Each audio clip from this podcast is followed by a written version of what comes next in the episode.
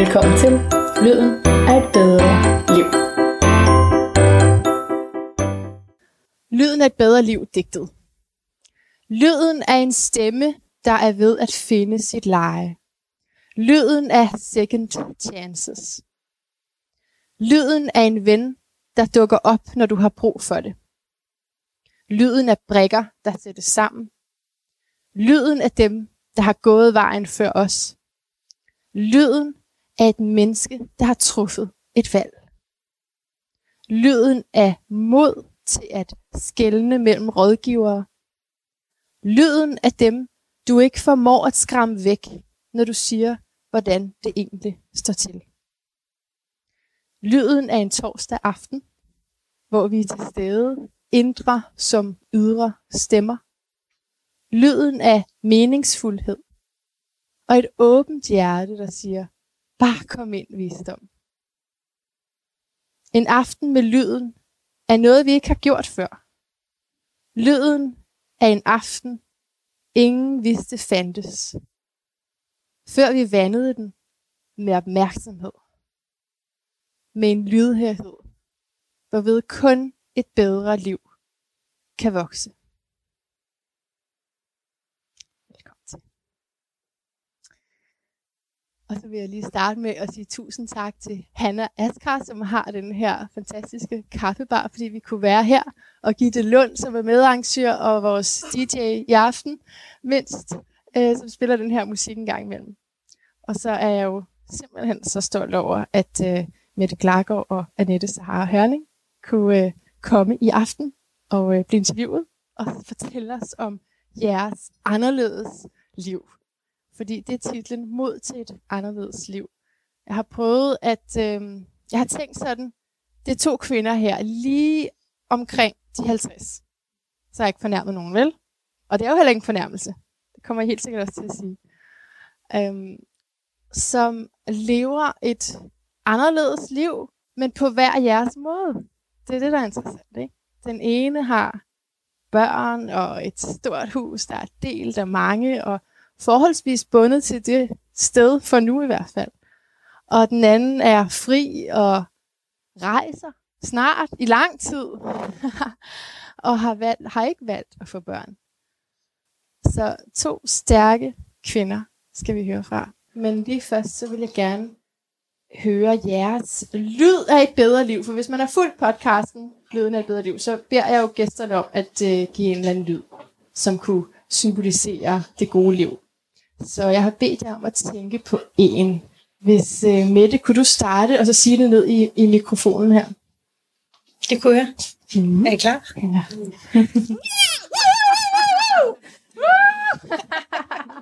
Sådan der. Det var min lyd. Nå! Jeg har mange lyde. Ja. Ja. Ja! Woo! Sådan. Tak for det. Og jeg må meget gerne klappe. Det kan vi godt lide. Annette, så har jeg hørt det. Mm. Ah, jeg har glædet mig Mm. til at interviewe dig. Jeg har læst øh, din bog her, Kokken og Kærlighed. Det er faktisk din mand, der har skrevet den. Jeg har skrevet den sammen. Men den er ligesom skrevet ud fra, det er ham, der fortæller. Du er mor til fem, og øh, du er indehaver af en danseskole. Du har øh, bloggen En Anderledes Familie.dk, og, og det var der, jeg fandt dig, faktisk. Øhm, så er du stifter af Spiritistforeningen, og så har du taget en hel masse forskellige uddannelser. Øh, jeg ved, at du i hvert fald ikke er blevet eksamineret i psykoterapi, for det har du en særlig grund til, at ikke at ville, så du ikke ligesom, så man ikke på den måde kan kalde dig psykoterapeut, men du har taget den også. Og, øh, og så har du også senest taget øh, seksologuddannelsen. Jeg kunne godt tænke mig at starte med at bede dig definere en anderledes familie, som du jo kalder jer. Ja. Altså, altså alt hvad jeg jo selvfølgelig vil sige, det ud fra vores egen familie. Øh, og vi er en anderledes familie. Øh, vi har som sagt, vi har fem børn. Vi har seks børn, hvor det tredje barn i søskenflokken på seks, han overlevede ikke. Så vi har fem levende børn, hvor den ældste han er 24, og den yngste er 6 år. Og ham på 24, han siger, jamen jeg er vokset op i en hammerne skæv familie.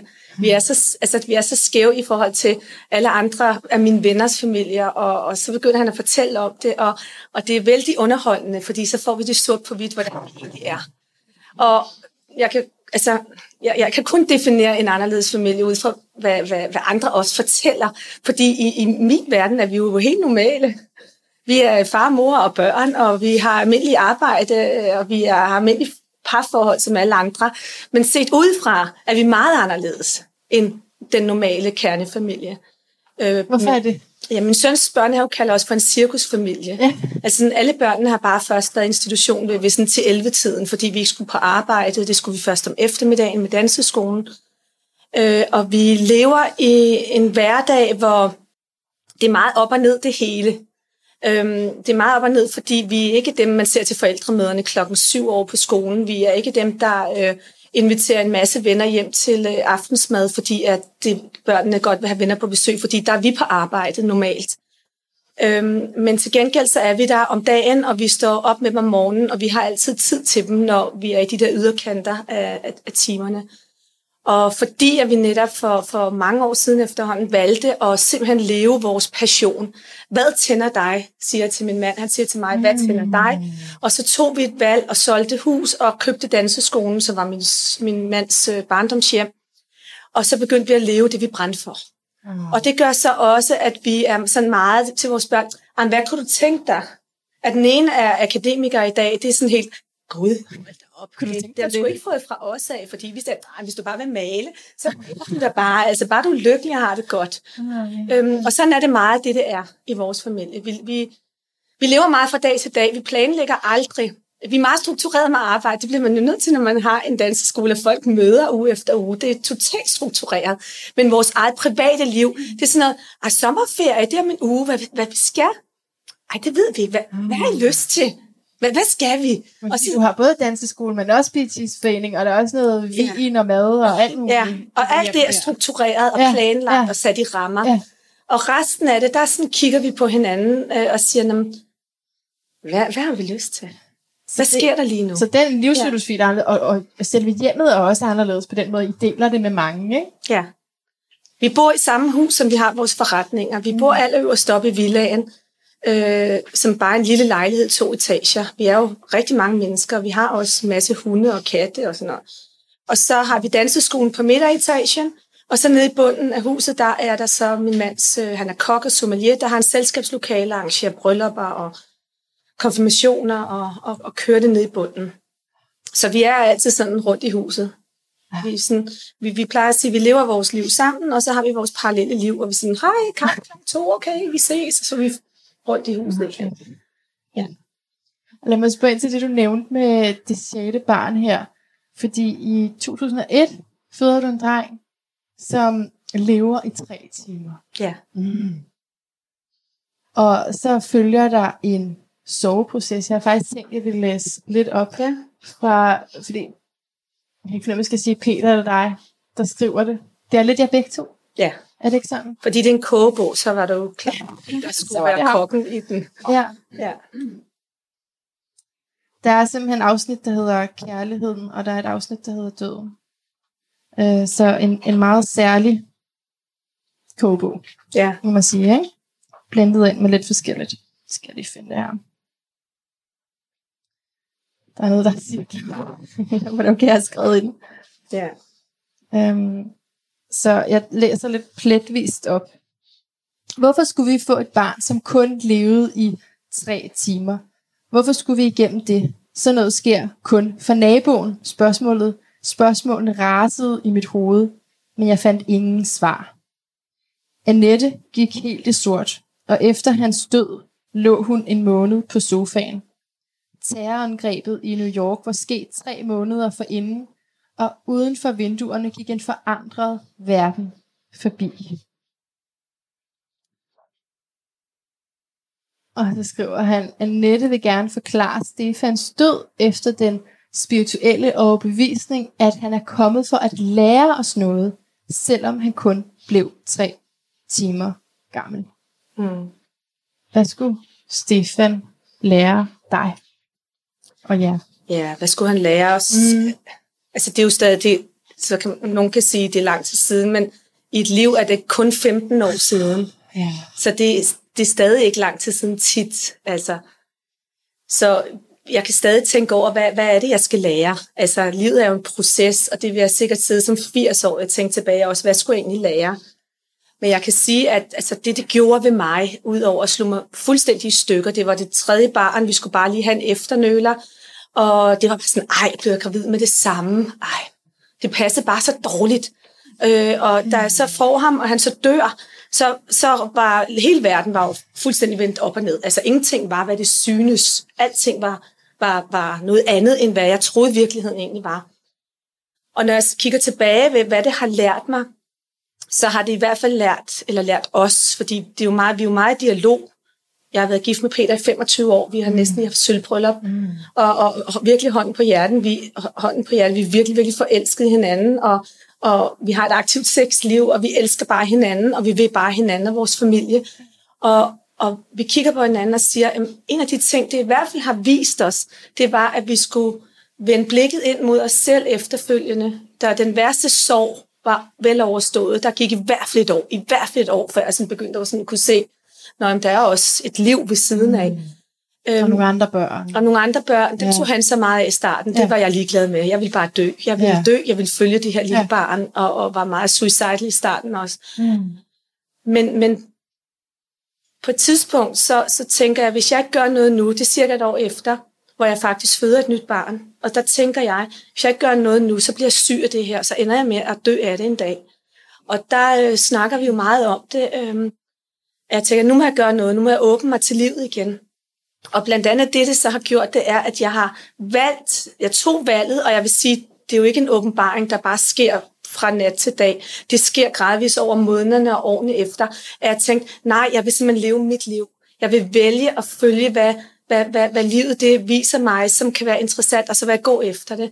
Jeg vil tro på, at hvad jeg har lyst til, det kan jeg gøre, og så gør jeg det. Mm og simpelthen være, være tro mod mig selv. Ikke at blive lullet ind i et job, og ikke at blive lullet ind i noget, som jeg egentlig bund og grund ikke har hjertet med i. Mm.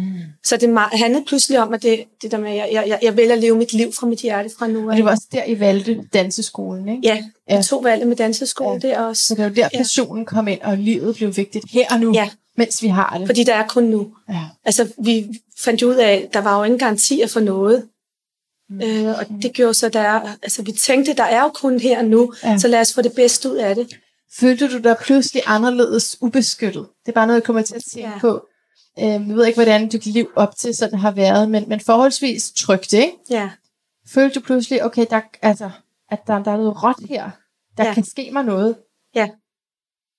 Men det var jeg ikke bange for, fordi så kom jeg jo bare op til Stefan, eller hvor han nu var. Mm. Det var da ikke mm. det værste, der kunne ske. Nej, nej. Men jeg følte, at, at, at alt var en illusion lige pludselig. Altså lige som jeg rød sådan en metaposition og kiggede ind og tænkte, ah, så er der virksomheder, der er der, og der er biler, der kører, og der er fly, der flyver, alting er bare sådan, ej, det er jo bare et skuespil, det er bare et virvar af et kæmpe skuespil, mm. hvor jeg er en af statisterne, og jeg har en, undskyld, jeg banner, en meget fucking dårlig rolle lige nu. Øh, den vil jeg ikke blive ved med at have. Mm. Mm. Ja, så lige pludselig var det ikke bare et liv, jeg var med i. Jeg var sådan observant på det. Mm. Øh, og det var bare også at se, fordi så blev jeg nødt til at kende nogle ting om mig selv. Jeg blev nødt til at gå ind i selvudviklingsvejen og begynde yeah. at indse nogle ting og nogle mønstre, og hvordan kan jeg faktisk få det godt igen, og hvordan kan jeg faktisk blive ved med at, at tage valgene fra min hjerte, mit hjerte og, og blive så autentisk som muligt. Det er den hårde vej, ikke? Det, det nemmere ville have været selvmord, som set. Altså at give op. Ja. Altså den hårde vej er yeah. at gøre det stykke arbejde der. Ja øh, så ved jeg også, at du har, altså du er, du, du er født med nogle, nogle evner, som du har ligesom gemt lidt væk indtil Stefans død, som så ligesom åbner det ja. for dig igen. Er det rigtigt? Ja. Hvad er det, der sker med, med den spirituelle ja. vej for dig der? Altså alt det der med spiritualitet, det var jo sådan nærmest en by i Rusland. Øh... Det er fordi, du, du i tale sætter det måske heller ikke på den måde.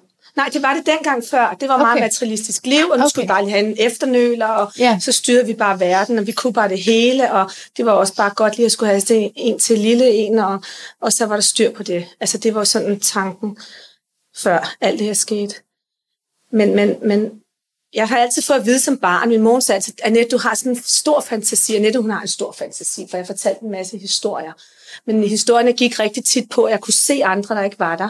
Jeg kunne øh, opleve øh, min døde oldemor, der kommer og fortæller, at hun er død, og de ikke ved, hun er død endnu. Og jeg havde en masse af sådan nogle oplevelser, men fik altid at vide, min mor, og altså hånden på hjertet, jeg kan godt forstå, at hun var ved at dø og skrække over det. Øhm, hun har bare en stor fantasi, sådan ligesom parentes, til stille med det, ikke? Og jeg tider også rigtig meget stille med det i mange år, for jeg vil jo gerne passe ind ved veninder og skole og sådan noget. Men da Stefan dør, så begynder jeg at få de her oplevelser, de her, altså i går så en paranormale oplevelser, men som jeg i mit univers kalder for naturlige oplevelser. Men, men det var for andre øh, paranormale oplevelser. Kan du give et eksempel? Øhm, rigtig mange eksempler. Jeg var så bange. Det var sådan noget med i, i månederne, og, og i hvert fald de første til to år efter, der skete der ting og sager vores hjem. På det tidspunkt, der fløj min mand, han fløj fra SAS og var pøser og var væk i mange dage gangen. Og der kunne røgalarm, så var jeg alene med vores to børn, øh, og var gravid igen, og der kunne røgalarm gå hver nat kl. 2 om natten. Mm. Og han sagde i starten, at den skal bare skifte batteri, men det skete hver nat kl. 2 om natten. Og forestil hvor bange man bliver. Jeg tror først, der er røg i huset eller ildebrand. Og det næste, da der så ikke er det, og vi skifter batterierne, det stadig sker kl. 2 om natten, sammen med mange andre ting, med håndtag, der går ned, døre, der åbner og lukker, vinde, der blæser forbi. Vi sidder der sammen og oplever, der, eller op, oplever det. Øhm, der er rigtig mange ting. Jeg var, jeg var redselslagen. Jeg satte alarmen på huset om natten, som gik alarmen om natten. Man kunne ikke komme ned og slukke den, for jeg havde barrikaderet døre med stole og bordet, fordi jeg ved ikke, hvad jeg var bange for, der tog mig. Der var det, jeg var bare bange. Jeg var skrækslagen, mm. fordi det var så uhyggeligt. Ja.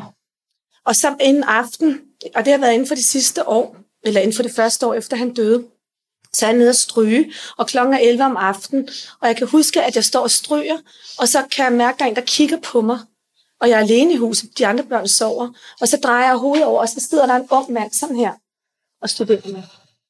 Og så tænkte jeg, nu er jeg blevet mm. sindssyg, nu er jeg blevet, nu er jeg, nu er jeg blevet tosset, nu går jeg seng. Mm. Men helt inde i min kerne, så vidste jeg, at det var min søn. Det var Stefan. Og det gav bare ingen mening, fordi han var en baby, da han døde, og der sidder en ung mand på 16-17 år og kigger på mig. Og der vidste jeg fra den dag, der vidste jeg, fra nu af, så er det ikke din fantasi mere, Annette. Du ved, hvad du ser. Du bliver nødt til at holde fast i det. Du er nødt til at gå videre med det og åbne op til den side af dig igen, for der er noget, der banker på. Mm. Og jeg tror i dag, at mange af alle de her uhyggelige ting, der skete, det var mig selv, der manifesterede dem. Det var min egen sorg, min egen kraft, af, af, af simpelthen altså urkvinden i mig, der bare manifesterede alt det her. Der var noget, der ville du selv manifesterede det. Altså, var det, var det Stefan? Ikke med de der døre, der smækkede, nej, og med røgalarmen og sådan noget. Jeg tror simpelthen, det har været min egen telekinesiske kraft. Altså noget i mig, der kunne man, ligesom poltergeist-fænomener. Der er det tit også dem i familien, der er et batteri for at få de her fænomener til at, få, til at foregå. Okay. Jeg ved det ikke. Jeg ved det ikke. Jeg tænker bare, at det ja, har I været... flyttede jo så, ikke også? Ja. På grund af det også. Når vi solgte huset I solgte og købte huset. det store hus ah, ja, danseskolen. Ja. ja. Men og det fortsatte og i det, store fortsatte. hus. Ja, ja, det gjorde det. Så det var ikke Nej. lokalt. Nej. Men jeg valgte at dykke ind i det og tænkte, der er noget, der skal undersøges. Der er noget, jeg skal vide noget om. Jeg vil ikke være bange for det. Nej. Så jeg begyndte at undersøge alt med ånder og alt, med, alt inden for den her spirituelle verden, der er sådan lidt øh, ja, paranormalt begyndte ja. at læse om det, begyndte at opsøge grupper, og tog en uddannelse i det på halvanden år, rejste til London igennem to år, frem og tilbage. Jeg droppede alles fødselsdag for at komme på alle de der kurser wow. i, hvordan man etablerer kontakt til afdøde. Det var bare knips med fingrene. Men det var, jeg blev nødt til at gå vejen for ligesom ja. at finde ind i, nu står du ved, hvad du også har, Ja. Ja. Der er noget, du også har, som ikke bare er din fantasi. Det er det for, for selvom det føles naturligt for dig, så er det altså ret vildt for mange andre, ikke? At, at, at opleve den slags. Ja. Så hvornår øh, etablerede du Spiritistforeningen? Var det i forbindelse med det også? Ja, det, var, jamen, det, er jo, det, er jo, det, er jo, det er kun hvad er det, seks år siden. Så ja. det er jo ikke så mange år siden. Mm. Nej. Men er det også formålet med den? Meget gerne sætte lyden fra de der telefoner. Øh, at, er det at mødes og dyrke, kan man sige, det, det, det vi ikke kan se? Ja, nej. Altså, vi mødes, vi mødes ikke og dyrker det på nogen måde. Vi mødes og snakker. Mm. Det er sådan meget, de her medlemsmøder har været meget med mennesker, der kommer fra alle lag. Øh, vi går ikke op i, hvad man øh, har uddannelse og fag og børn og sådan noget. Det er slet ikke de ting, vi taler om. Men de mennesker, der har været med, har alle sammen øh, enten en oplevelse, eller også så, så kan de noget af det samme, og har også ligesom følt sig stigmatiseret, enten fra familie eller venner, eller kan ikke snakke om det med nogen, fordi at man ikke tror på det, eller man ikke vil have med det at gøre. Det er frygteligt, for jeg misunder det jo helt vildt. Jeg vil jo så gerne. Altså, jeg banker jo på, føler jeg tit, når jeg er i et eller andet åndeligt miljø, så er jeg bare, giv mig nogle svar, giv mig et bevis, Ja. så det må være fantastisk at have kontakten også. Jamen, Eller det er, altså, Ikke? det er, jo, det er det jo. Altså, det er jo bare, det er jo ikke så mystisk. Nej, nej. Altså, jeg, jeg, jeg, definerer det som, jeg, så er det en kommunikation med mit højere selv. Det er en kommunikation med min underbevidsthed, der ved, der ved mere, end jeg måske sådan lige ved, øh, når jeg sidder i situationen. Så et eller andet har ja. du fået åbnet til, i hvert fald. om Det så 100%. er underbevidstheden. Ja. Du gav mig også et eksempel med en, som en, var det en hjemløs, som du så kom gående, men der var han højst sandsynligt død. ja, han var død. Der var han død, Ja. da du så ham komme gående. Kan du fortælle? Det var i, det, i forbindelse med, at du spurgte til det møde, vi havde, om altså det med at være bange for det. Mm. Og så vil jeg så fortælle dem, at jeg har haft masser af oplevelser, men, men en specifik oplevelse, den, en af de nyeste, det var, at vi går igennem hovedbanegården. Vi skal i Tivoli og vælger at gå igennem hovedbanegården med sporene, så drengene kan se på... Øh, det skal lige sige, at jeg har fået tre smukke, smukke sønner, efter at Stefan døde. Tre meget smukke sønner. Mm. At vi vælger at gå igennem perronen, så de kan kigge på toget på vej til Tivoli. Og øh, mod mig, så kommer der en mand gående, og jeg kigger ham i øjnene, han kigger mig i øjnene, og hele vejen kigger vi hinanden i øjnene. Og jeg kan bare huske, at jeg har sådan en dialog, ala, ej, hvor ser du godt ud, øh, ej, at du har tabt dig, og øh, hvor ser du godt ud. Og i det, han går forbi, så har vi sådan en øjenkontakt, og sådan kigger hinanden i øjnene. Og så går han videre, og jeg går videre, og så går jeg med drej, den yngste i hånden, og siger ej, Peter, Peter, ej, ved du hvem jeg lige har mødt? Ej, jeg har lige mødt Kjeld. Kjeld? Ja, Mikkis døde bror. øh, jeg mødte hans bror. Det var, det var jo bare som øh, kød og blod. Det var jo fuldstændig normalt. Han kiggede mig i øjnene. Han har været død i flere år. Dengang han levede, var han pusher og holdt til på hovedbanegården og, og var, jeg ved ikke, hvad han også lavede der, men, men det, det var Og det. han- så ham helt tydeligt. han var så smuk, og han var så pæn, og han så så sund og rask ud. Men det var ikke uhyggeligt, og det var ikke sensationelt. Det var ikke sådan noget, nej, nu skal du høre Nej, men det er mig." det, jeg mener. Det er vel ikke bare din underbevidsthed der. Nej, Altså, det, nej. der er jo nej. en, du Ja. har en Men hvem kan forstå det? Hvem kan sige til det til? Hvem, hvem, hvem kan sige det til Peter? Han har hørt på det i mange år. Han siger bare, nå, nå, jeg vil hilse, hilse Kjeld næste gang. Altså. Han ved ikke, hvad han skal sige. Han, jeg tror ikke, han tænker noget. Han tænker bare, ja, yeah, right. Øhm, Ja, ja. Det er bare endnu en, en af hendes historier, eller jeg ved ikke, hvad han tænker. Han skriver også i bogen, jeg er ikke lige så spirituel som Annette, men altså, så Ja. han ved godt, der er et ekstra lag der. Ja. Men det er bare ikke uhyggeligt. Nej, det er ikke nej. unaturligt. Det er bare, hvad det er. Altså, og så tænker jeg ikke over det. Og der er noget fortalt dig i episoden, Mm. men det, ellers kan der ikke rigtig... Nå ja, nå ja, det var da også den episode der. Ja, Ja, du, du skulle lige, hvad var det for en af dem? Ja, ja, ja det var fordi, ja. du lige var den, du fortalte Ja. Ja. Alright. Jeg kunne godt tænke mig at spørge dig om dine tre vigtigste værdier i livet. Jeg har ikke forberedt dig på det, så Nej. det er okay, hvis du lige har taget et øjeblik. Men bare sådan, hvad der lige kommer til dig. Hvad, hvad er de tre vigtigste værdier i dit liv? Mm, altså, den aller, aller, aller vigtigste værdi, som jeg gør meget ud af at, at huske, det er, og det er så klichéagtigt som at sige, at elske mig selv. Virkelig, virkelig, virkelig, virkelig tro på, at jeg er det mest fantastiske. Men når det så er sagt, så er det ikke i adskillelse af andre, så er det i forbindelse med andre. Jeg er ikke adskilt fra, fra Janne, jeg er ikke adskilt fra dig. Så når jeg ser på dig, og jeg kan tænke, gud, hvor ser Maria dejlig ud, og hvor er, du, hvor er du smuk, så ved jeg, at det er en refleksion af noget, jeg også ser hos mig selv. Det er jo din selvkærlighed, der gør, at du Lige kan præcis. se det i andre. Men jeg ved også, at det, jeg, jeg ser en, et, et, en, et aspekt af mig selv i det smukke, som jeg kan se et aspekt af mig selv i det, jeg kan have projektioner mod at tænke, hvis jeg tænker dårligt om andre, så ved jeg også godt, det handler om noget hos mig selv. Mm. Men det er virkelig, altså, det er, det er en beslutning, man skal tage. Mm. Fordi den er hård, for jeg kan også godt se, at jeg er bleg, og jeg er fregnet, jeg kan ikke tåle solen, og, og huden rynker. Så Og, det er en konstant øvelse, Jamen, ikke også? jamen, Det det er så- det. Ja. Og så bare sige, det, det, det er den bedste version, der er nu. Det er det, der er. Og jeg nægter, jeg nægter at tænke ned om mig selv. Jeg nægter at tale dårligt om mig selv. Jeg kan godt se, hvis jeg er morgengrim, men det har ingen betydning. Det har ikke nogen værdi. Så kan jeg da for hun da bare gå i bad eller gøre noget for at forbedre Right. det. Ikke?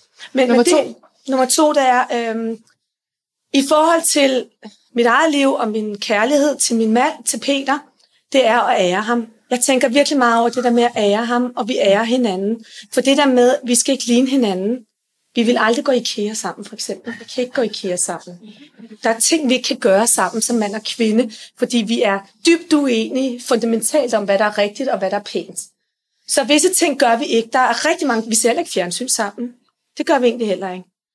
Men at ære ham for, at han er så anderledes end mig. Og, og igen, at han det er mig. Hver jeres liv. Han forstår mig ikke. Han forstår overhovedet ikke, hvad jeg siger. Og jeg forstår heller ikke, hvad det er, han går op i. Altså at sidde og tale om aktier og vin og sådan noget. Men er det ikke sikkert, at man ikke, man ikke behøver at finde det hele i sin partner? Jo, så har absolut man nogle ikke. andre Ja. til det andet. Så at ære ja. ham og bruge ham som et, bruge ham som et krydderi. Ja. Ja. Han er ikke min hovedingrediens, han er mit krydderi, og jeg er hans krydderi. Ja. Det er også igen en øvelse, fordi det er ikke nemt. Det lyder bare så nemt, jamen, så gør man bare sådan. Nej, det gør man ikke. Ej, man det kræver bevidsthed. meget. Hele tiden, hver dag bevidsthed i det. Ja, Ja. ja. For jeg kan da også, ah, men du skal også, og nu må du komme og, og fylde mig op med kærlighed, for jeg har brug for, altså, jeg er også et menneske. Hvad ikke? har Ja. det?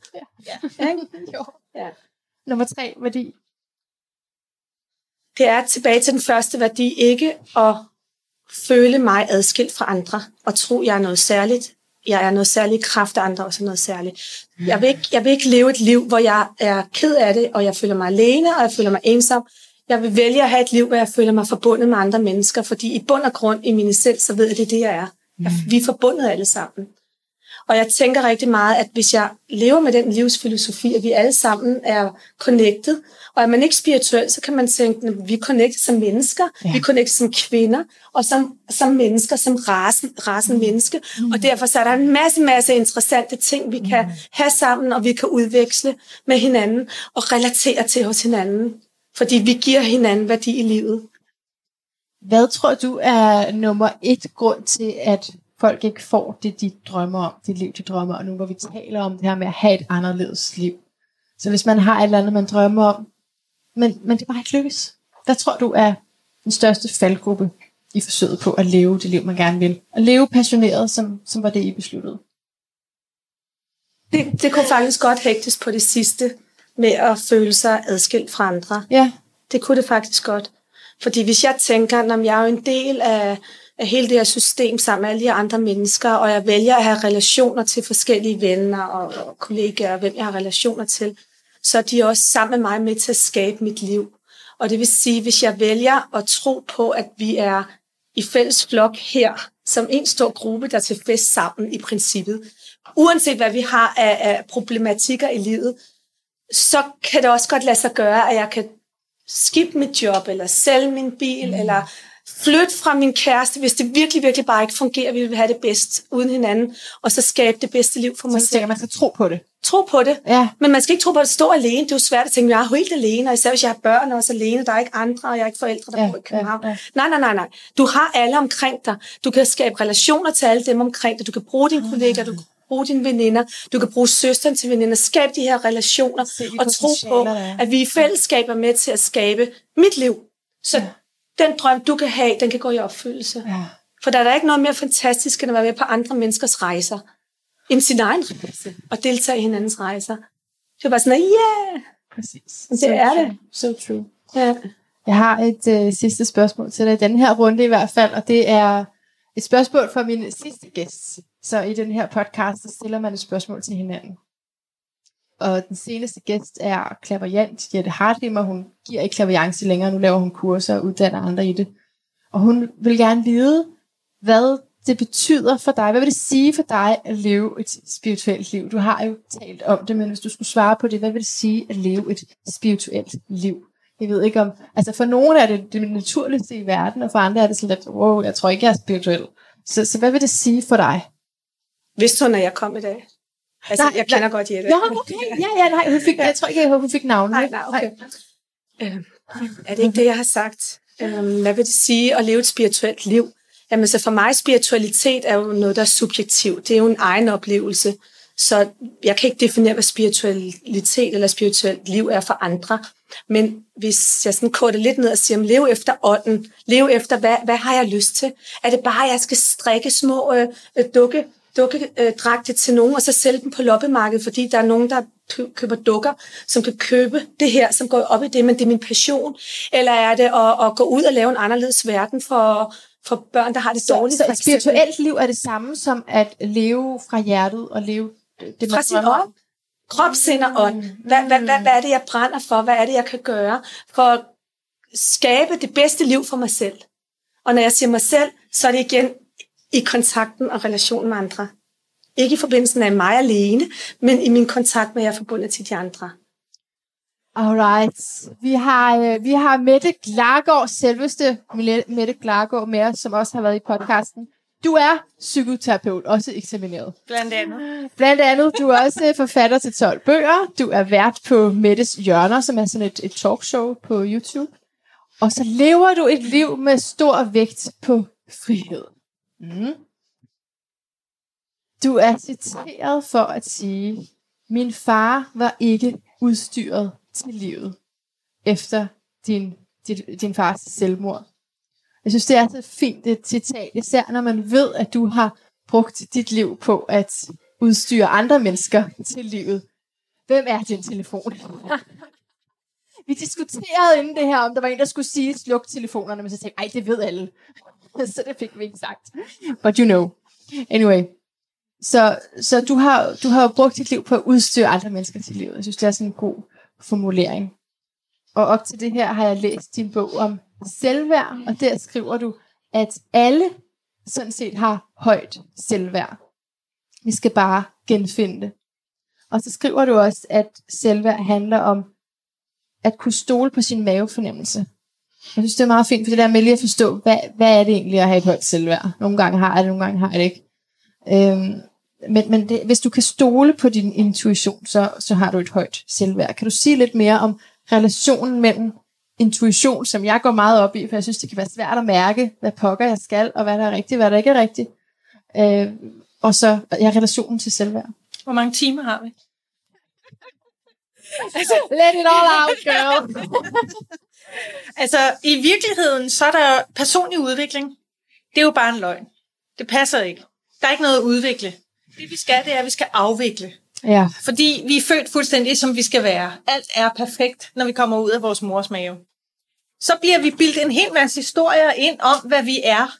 At vi ikke gode nok, og vi er dumme, og vi er uelskelige, og vi er svage, og vi er grimme, og vi er ikke kloge, og vi er dit og datter dut. Øhm, og det er i virkeligheden det, vi skal afvikle. Så i virkeligheden, så burde det hedde personlig afvikling. Fordi vi skal afvikle alle de der løgnehistorier, som vi har fået igennem vores opvækst, om hvem vi er, hvem andre synes, vi skal være, for at leve op til deres forventninger, gode såvel som dårlige. Øh, og hvorfor er det sådan? Jamen det er jo sådan, fordi vi lever i en kultur, der er frygtelig nedlukket. Vi er utrolig nedlukket. Og, øh, og, Når du øh, siger nedlukket, så er det den modsatte af at stå og ryste. Ja, lige præcis. Ikke fyre den af, og ja. have lille hår, og ja. tale højt, ja. og sige sin mening. Og, øh, ja. Den er frygtelig nedlukket. Og det er den blandt andet, øh, øh, det betyder blandt andet, at vi har grænseproblemer. Øh, 70 procent, 80 procent måske endda af alle danskere har grænseproblemer. Og det er det der med, at man kan ikke mærke sig selv. Jeg kan ikke mærke, hvad der er rigtigt for mig, og jeg kan ikke mærke, hvad der er forkert for mig. Og når jeg ikke kan det, så kan jeg ikke sige ja tak og nej tak. Så kan jeg bare sige, øh, det ved jeg ikke, hvad synes du? Så, så grænseproblemet er et problem med, at, øh, med mavefornemmelsen? Ja, helt klart. Ja, de mm. hænger sammen. De hænger mm. rigtig meget sammen. Undskyld, jeg skal lige have en tung. Ja, gør det. Er der flere, der skal lige... Mm. Den er rigtig god. Skål. Altså, da jeg hørte Annette fortælle om sit liv, så må jeg sige, at der var mange ting at være misundelig på, men især det at være gift med en sommelier, der må jeg sige, uha, det kunne jeg godt tænke mig. ja, ja, det lyder Og hvis I ikke ved, hvad en sommelier er, så er det en, der er specialist i vin. Ja. Ja. ja. Men et dejligt liv, det lyder som mm, så... børn og høns og hunde og Ja, ved du hvad, vi går lige, nu, nu jeg kan mærke, at jeg, lige skal, jeg skal lige tage styringen her. Så. Nej, det var det første, uh, Mette gjorde, da jeg skulle interviewe hende. Det var også, jeg skal lige sige noget inden spørgsmålet. Ja, ja, ja. Slet ikke intimiderende. Nej, okay. overhovedet ikke. Men i din bog, uh, siden i på den her med, med selvværd, som er rigtig god, det er sådan en Du har skrevet mange andre slags bøger også, så det er ikke kun selvbøger, du skriver. Der har du skrevet øh, om konsekvenserne af lavt selvværd. Jeg kunne godt tænke mig for sjov, at du at nu nævner jeg nogle af dem, og så siger du det modsatte. Jeg Fordi ikke- man, man bliver så deprimeret af at læse det der. Jeg har ikke forberedt dig med. Nej, om, nej, det er også meningen, at være spontan. Ja, ja, det er fint. Jeg er helt spontan. Godt. Så, konsekvenserne af lavt selvværd kan være en følelse af at være forkert, En følelse af at være rigtig. stress, Undskyld, hvad sagde stress, Stress, ro, depression, glæde, begejstring. misbrug, Hmm, frihed. ja. manglende følelse af mening med livet, Mening. spiseforstyrrelse. I må gerne hjælpe til. Ja, Hvad er det pos- den, positive modsætning til en spiseforstyrrelse, hvad er det? Det er også. Hvad for noget? ah, Ja, den er ja dejlig. Nydelse, den er rigtig god. Tak. Ja, Nydelse, ja. fantastisk. Livsnydelse, ovenikøbet. Brudte forhold. Tilknytning. Ja. Mm. Tillid. Mm. Generthed. Åbenhed. Modighed. Manglende lyst og overskud til sex, mad, motion og leg. Igen, livsnydelse. Ja. Manglende mod til at sige fra til. Grænser. Ja. Grænse, grænsebevidsthed, ikke? At være klar over sine grænser. Følelsen af ikke at blive forstået, den kender jeg altså godt. Uh, ja, det tror jeg, vi alle sammen kender. Og det må jo være følelsen af at blive forstået. Og hørt og set og anerkendt. Ja, og- ja, lige præcis. En følelse af at være dum. Mm, det er ikke bare at være klog.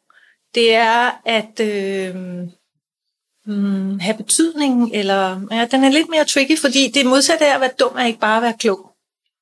Det er noget med at øh, have lov til at komme med sin mening, at den er at, at være værdsat i det, man har at byde ind med. At tillade sig selv. Ja, at blive tilladt at Ja. byde ind med det, man har at byde ind med. Mm. At andre værdsætter det, man har at byde ind med. Stor optagethed af, hvad andre tænker om dig. Ja, så Det er svært, når man er på Se, de sociale jamen, så man jo også, så er man jo også så er man fristet til at sige, at jeg er skide ligeglad med, hvad andre tænker, men det er jo heller ikke den, den positive modsætning. Nej. Det er en modsætning, men det er ikke en positiv Og er det modsætning. nogensinde helt sandt, at man er fuldstændig ligeglad? Ja, hvis man er psykopat.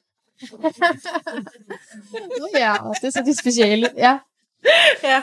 Så øh, at, at kunne lytte til, hvad andre mener, og mærke efter, om man synes, det har sin berettigelse eller ej.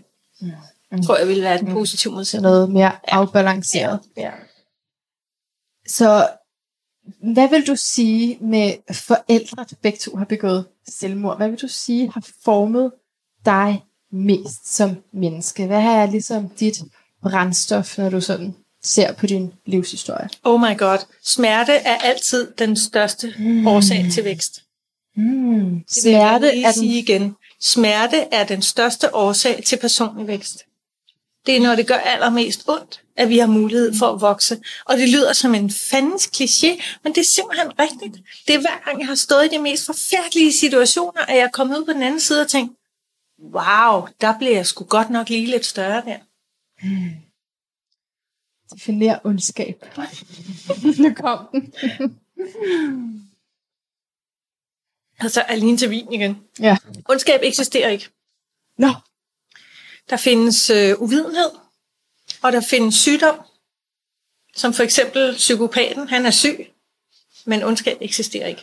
jeg tænker på den her smerte, som jeg ved, du også har haft i dit liv, og i vores podcast taler vi om, at det har jeg også mærket på mit Ja, liv. Der er det, der er det nærliggende at tænke, der er noget ondt. Men det er ikke sandt. Ikke, det, det mener jeg ikke. Jeg tror ikke på ondskab. Jeg tror heller ikke på, øh, på ultimativ godhed som noget, vi kan definere, at det der er godt, og det der er, er ondt. Altså, jeg tror ikke på den der. Jeg tror på dualiteten, men jeg tror ikke, vi kan lave det så, så skarpt, så afgrænset, at noget er ondt, og noget er godt. Fordi der er jo ikke noget, der er, der er jo ikke lys, uden der også er mørke. Så det er derfor. Det er simpelthen, fordi du siger, at det er der væksten kommer fra. Ja, ja, ja, ja ikke helt. Men, Nej. men altså, jeg, jeg kan ikke gå ind for, at vi har noget, der er ondskab. Der er uvidenhed, og der er sygdom. Aha. Aha. Det må blive mit svar. Ja, ja. Men det er fra smerten, og det er fra krisen, for når vi er nede i det der Ja, det er der, vi vokser fra, at der som noget oftest. smukt. Ikke? Ja. Man kan selvfølgelig også vokse ved at læse en god selv, selvværdsbog. Ja. Selvværd for begyndere. Ja, ja, den skulle man tage at læse. men, øh, men, men oftest er det smerte, fordi vi, vi, øh, vi har to ting, der motiverer os allermest. Og det er smerte og længsel. Hvis der er noget, Der er også en smerte i længsel, ikke? Det har jeg jeg også. have ja, det lige der. præcis. Ikke? Ja. Jeg sådan efter Ja. at blive elsket. Jeg længes Ja. efter at føle fællesskab, eller Ja, ja, ja. føle mening, eller føle mig rigtig. Så smerte og længsel. Smerter og længsel. Det er det, der gør, at vi Ja. vokser. That's what it all. Det er det, det, der driver det hele. Ikke? Hvor, hvorfor har du interesseret dig personligt for selvværd? Fordi jeg havde så utrolig lavt selvværd. Ja. jeg var hele tiden optaget af, hvad andre tænkte om mig. Hmm. Øhm, og, øh, og da jeg så blev psykoterapeut, så, øh, du ved, det er sådan, det ved jeg ikke, det er der sikkert også nogle af jer, der ved, at man, når man arbejder med et eller andet, så får man lige præcis det, man er klar til. Man får det, man har brug for, og man får det, man, øh, man har i sig selv. Der, hvor man selv er, som psykoterapeut for eksempel, mm. de klienter får man. Så da jeg startede som psykoterapeut, Okay. da jeg startede som psykoterapeut, der havde jeg rigtig mange klienter, der kom og sagde, jeg har lavt selvværd, hvad skal jeg gøre? Og så sad jeg der med mit lave selvværd og tænkte, Hvad skal vi gøre? Øh, gøre nu? bum, bum, bum, du kan snakke med en ven, eller... Ja.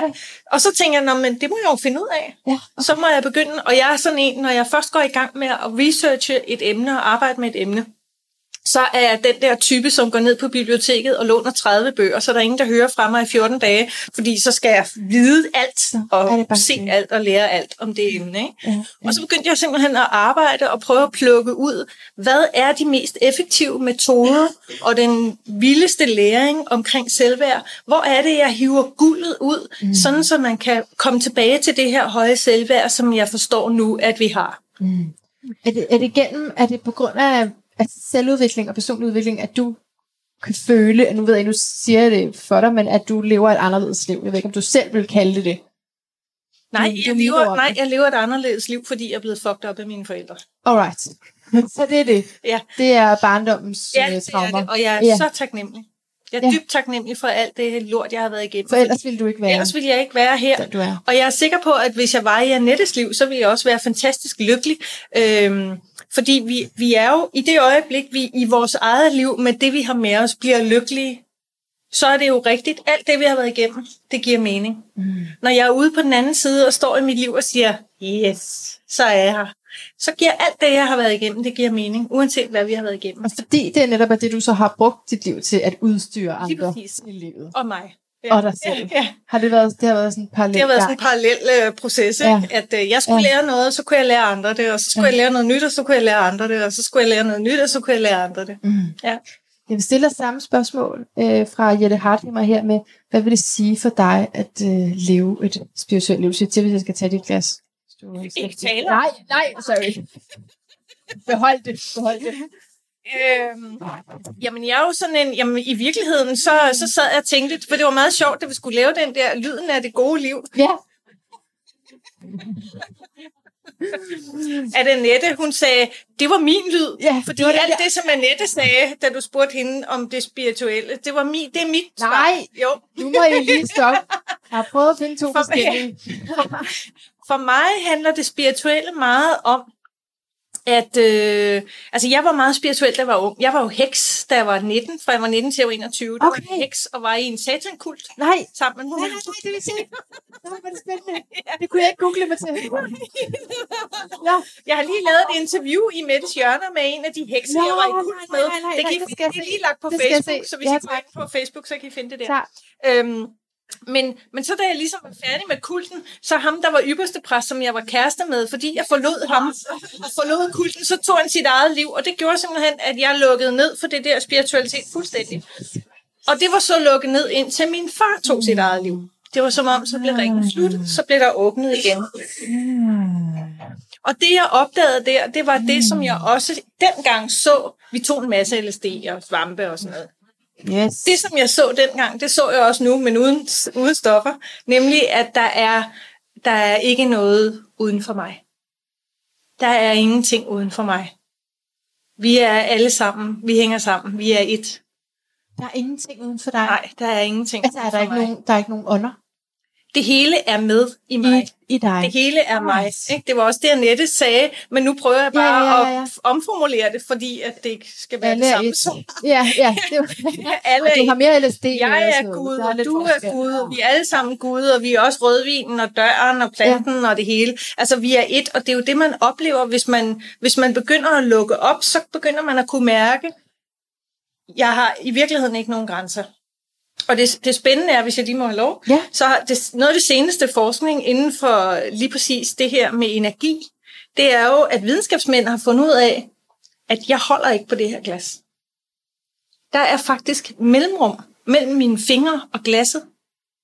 Der er et energifelt mellem mine fingre og glasset, Ah. så i virkeligheden holder jeg ikke på glasset. Ah. Det er bare noget, jeg tror.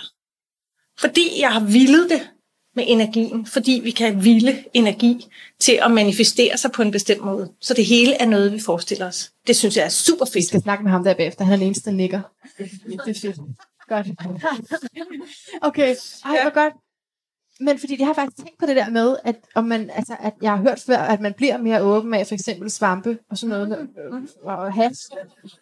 Jamen spirituelt åben. Ja. Fordi, fordi som sagt, at jeg, jeg føler, at, at, jeg, at jeg, har, jeg, jeg banker på, ikke? Ja. Altså, Gud, eller hvem, hvem, hvad det er, universet, og, og, og, hvor, og hvordan, altså, jeg, kan, jeg mangler den der åbning. Jeg du skal have mangler, sådan en svampetrip med hende, Fanny, jeg lige har interviewet. det håbede jeg, du ikke ville anbefale mig. Du Jeg elske du ville sige, at du dejlig. derhen uden. Ja, ja, det Ja, kan man også. okay. Det bare tager bare så lang tid. Alright. Ikke? Så du tænker faktisk, det er Jeg en mener, hvorfor ikke springe over, hvor gaden er lavest? Snakker- Er det seriøst? Ja, Jamen, fuldstændig seriøst. Ja, godt. Hun er, hun er, tri, hun er tripsitter. Du Ja. vil elske hende. Hun, altså, hun er så dejlig. Så, ja. Nå, Og var det hende, du, var det hende, du havde interviewet? Ja. Det skal jeg lige Ja, se. Fanny. Ja. Det skal jeg lige se. Ja. Godt. Næste spørgsmål. Og nu hvor vi har fået løst det, så... ja, så... Nej, jamen det er spændende. Det har jeg nemlig tit tænkt på. Ja. Men jeg synes jo lidt, at... Altså, jeg er bare bange for de der hjerneskader, og man kan få. Ja, men det er jo klart, men du kan også blive kørt ud over, når du går ud på gaden. Ja, Og det er jo så det ikke, at du, du tager risiko. Altså, det er Ja. det. Du er meget ja risikovillig. altså, jeg burde... Du kaster dig ud i ting. Jeg, jeg ved godt, at andre synes, jeg er modig. Sådan føles det jo ikke ind i mig. Og det ved I sikkert også godt, jer der sidder her. Når andre siger til mig, at nej, Mette, hvor er du modig. Jeg rejser seks måneder helt alene til det Tenerife. er fordi, du ikke, er bange for det. Nej, det er jo bare det, jeg har lyst til. Jeg gør jo bare det, der føles rigtigt i min mave. Ja. Øh, og det betyder ikke, at jeg ikke kan blive bange. Men, men jeg føler mig ikke modig på den måde. Det er ikke det, du er bange for. Eller hvad? Nej, nej, nej, altså jeg, jeg tænker ikke, nej, hvor er jeg modig. Lever mit liv, som jeg vil. Uh, hvor er jeg modig. Gør du ikke det? Nej, Nå. det gør jeg Det ikke. jeg godt forestille mig, tænker. Ikke om noget som helst i dit liv. Altså, øh... jo, jo. Jo, Ja. jo, jo, Ja, jo. det Jeg kan godt komme, mærke, når, der, når, jeg, når jeg for eksempel... Altså, hvis du stillede mig på Fagoner-scenen, når jeg skulle ind og holde et foredrag Ja. Om aktiekurser for 10.000 mennesker, så kan det godt være, at jeg lige vil mærke... det gør du jo ikke. Den der, uh, okay, nu er jeg modig. Jeg går ind og siger noget, om jeg ikke ved en skid om, ikke? Ja, men det Det gør du. modigt.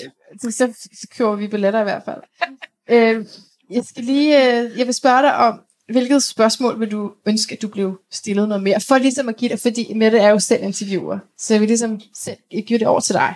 Hvad vil du ønske, at du blev spurgt om noget mere? Alt det, som du har spurgt mig om. Nej, er det rigtigt? Du er den Nej, fedeste interviewer, jeg nej. nogensinde er blevet interviewet af. Serious. Nej. Uden, uden shit. Nej, Det er, det er så fedt, det, det du laver. Så, øh, fordi du går, du går sådan til kernen. Jeg synes, at når øh, rigtig mange, som laver podcasts, ikke så meget amerikanerne, men danskerne, de er jo en lille smule bange for det der med at gå dybt.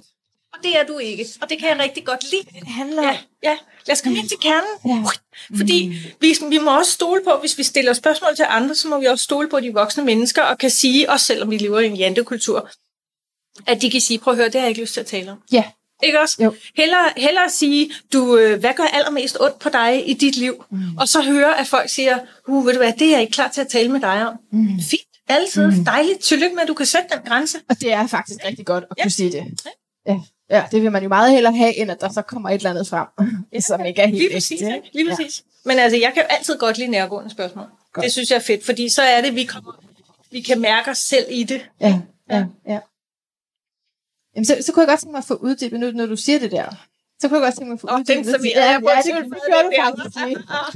Så, så tager jeg lige det. Ja. Altså, hvad er det, fordi jeg spurgte før det om, hvad er det, der har formet dig mest? Hvad er det så for et, et, øh, noget af det, du har erfaret i din barndom, og det, du oplevede, som var smertefuldt for dig, som, som du tager med dig som en styrke i dag? Oh my god, det er meget. Det er rigtig mange ting. Har du, sådan, har du en episode, et ven, en relation, begivenhed?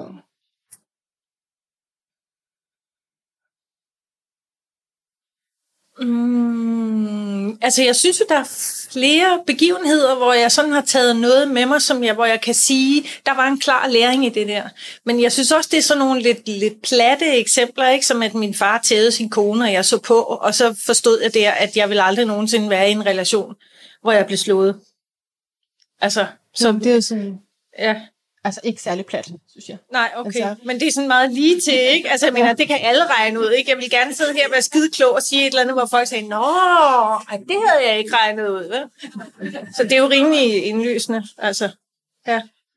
Jo, Så- men, men den hårde måde at lære det på, kan man sige. Så er man... Altså, jeg, jo, jeg tror, jeg vil sige, jeg, jeg tror ikke, jeg kan give et specifikt eksempel, fordi der er rigtig mange eksempler. Mm. Men jeg synes, noget af det mest værdifulde, jeg har fået af, af al smerten, er faktisk, at jeg er blevet, det er blevet, jeg er blevet lært, at jeg skal være ansvarlig for andre menneskers følelser.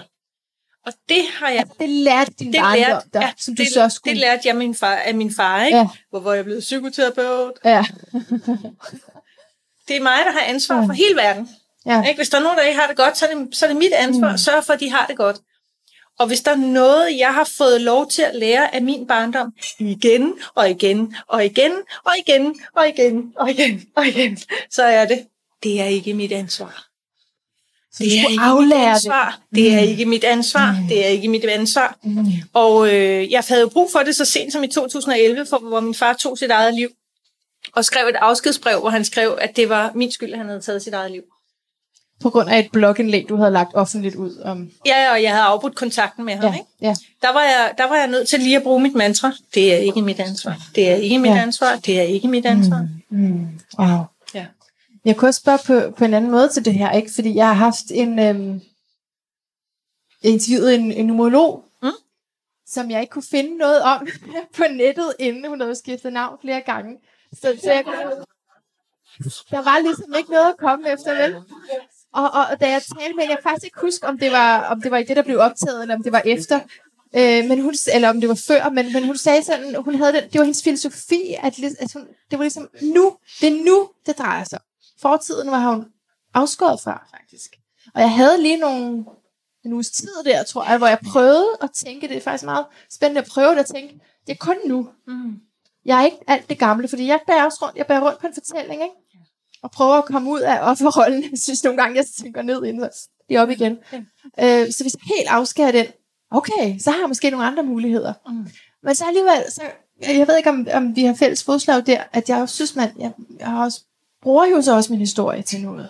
Altså, hvad, hvad tænker du om det? Altså, har du brug for din fortid i din nutid?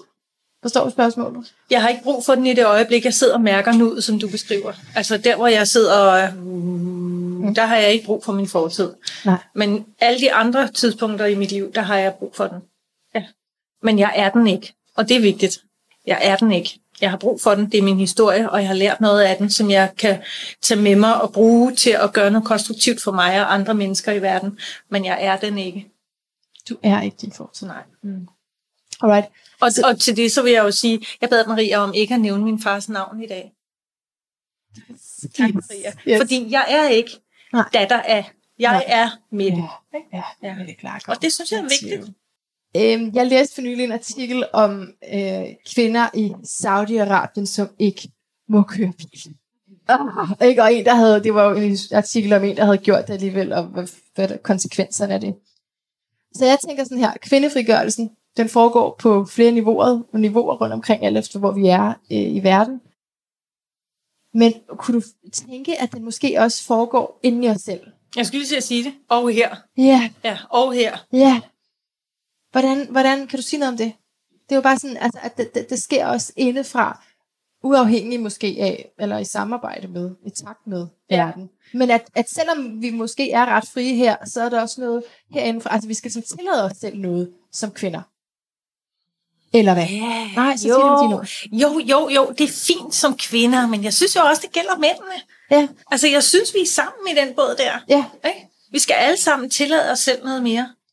Øhm, Men der er noget med forventningerne til en kvinde på 50 år, som er, er blevet forandret, og som du ønsker at, at gøre noget ved, ja. og skrue på. Nå, åh, nu ved jeg det. Okay, nu er jeg en heksetråd, tak ja, fordi det jeg ser, når jeg kigger rundt, jeg er lige blevet 50 sidste år. Jeg bliver øh, 51 om en måned. Og øh, det jeg ser, når jeg kigger rundt og ser andre kvinder på omkring 50, ikke? det er, at øh, da jeg var 20 år og kiggede på dem, der var 50, så så jeg bedsteforældre. Men jeg er ikke bedsteforælder. Og det er ikke kun fordi, jeg ikke har børn og børnebørn. Det er fordi, jeg ikke vil være en bedsteforælder. Det er fordi, jeg ikke vil defineres som en bedsteforælder. Jeg har meget andet i mit liv, jeg gerne vil.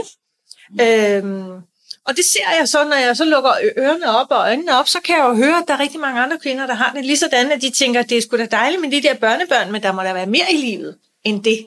Ikke fordi det skal gøres mindre værd at have børnebørn, slet ikke. Det er vidunderligt at have børnebørn, men der må gerne være mere end det. Øh, derudover så er vi jo ikke syge. Vi er jo ikke gamle, når vi er 50. 50 er det nye 30, 40, et eller andet. Ikke? Øhm, og vi har faktisk 50 år foran os.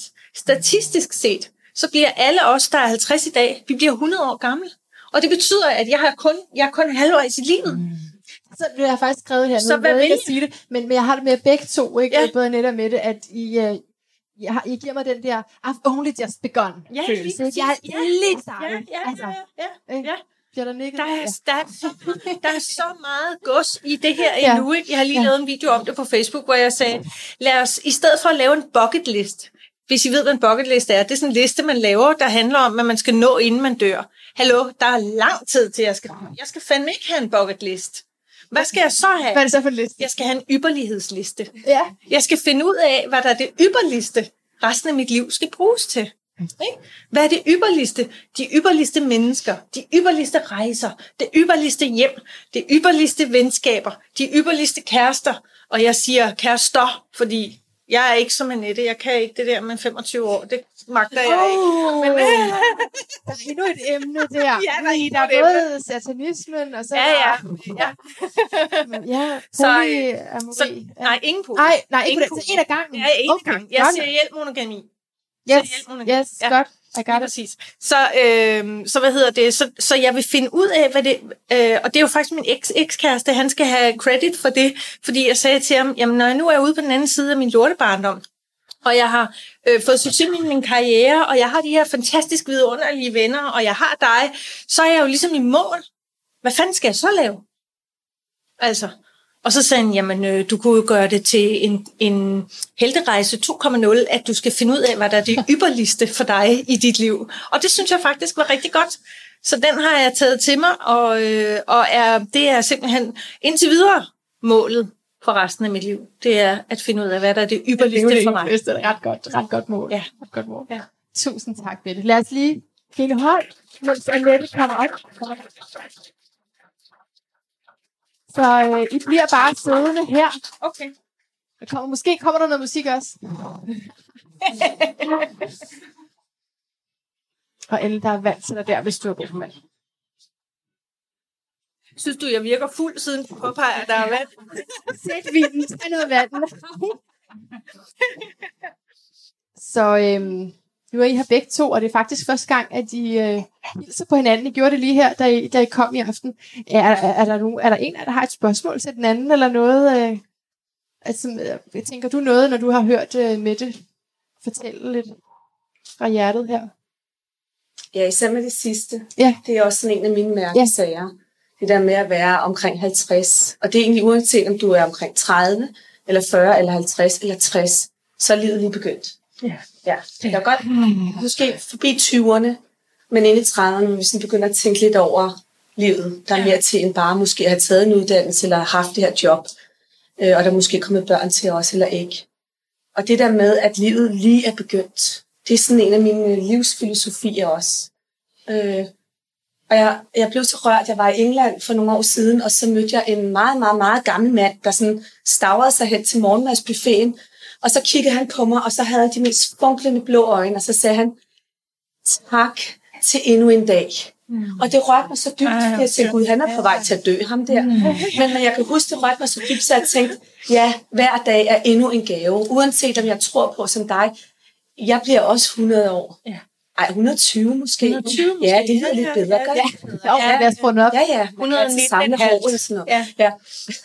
men men, men det, det gjorde, at jeg tænkte, altså hver dag er en gave. Mm. Altså det der med det ypperste, Mm. I like. Mm, I like. Ja. Den bedste vin, den bedste samtale, Ja, Ja, vi må gerne være kredsende. ja. Ikke? Ja.